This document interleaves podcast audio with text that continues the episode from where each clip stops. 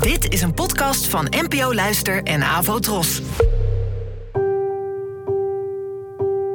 Poëzie vandaag.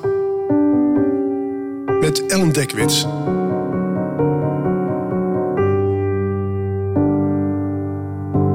Hallo, fijn dat je luistert. Het gedicht van vandaag heet Vannacht kan ik de verdrietigste regels schrijven en werd geschreven door Pablo Neruda, geboren in 1914 en gestorven in 1973. Het werd vertaald door W.S. Merwin en door mij.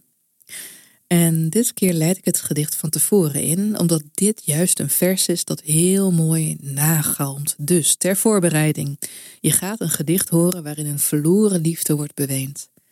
Door het gebruik van herhaling ontstaat er ook vertwijfeling en werpt het de vraag op of je ooit kan ophouden met liefhebben, zelfs als je al denkt dat je dat hebt gedaan. Meer zeg ik verder niet, behalve leun lekker achterover en geniet. Vannacht kan ik de verdrietigste regels schrijven. Vannacht kan ik de verdrietigste regels schrijven. Zo schrijf ik bijvoorbeeld: De nacht is vol sterren en de sterren zijn blauw en beven in de verte. De nachtelijke wind wentelt in de lucht en zingt. Vannacht kan ik de verdrietigste regels schrijven. Ik hield van haar en soms hield ze ook van mij. Op nachten als deze hield ik haar in mijn armen.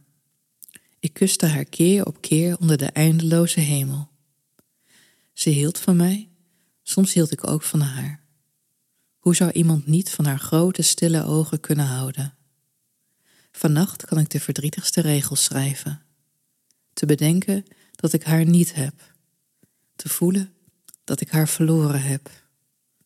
Om de immense nacht te horen, nog immenser zonder haar en de strofe valt op de ziel als dauw op de weide.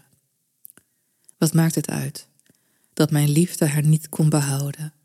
De nacht is vol sterren en ze is niet bij mij. Dat is alles. In de verte zingt iemand. In de verte. Mijn ziel is onvoldaan met haar verlies. Mijn zicht probeert haar te vinden, haast om haar naderbij te krijgen.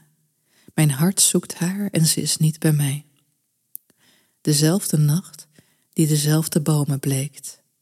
Wij van die tijd zijn niet meer dezelfde. Ik hou niet meer van haar, dat is zeker, maar wat hield ik van haar? Mijn stem probeert de wind te vinden om haar oren te beroeren. Een ander.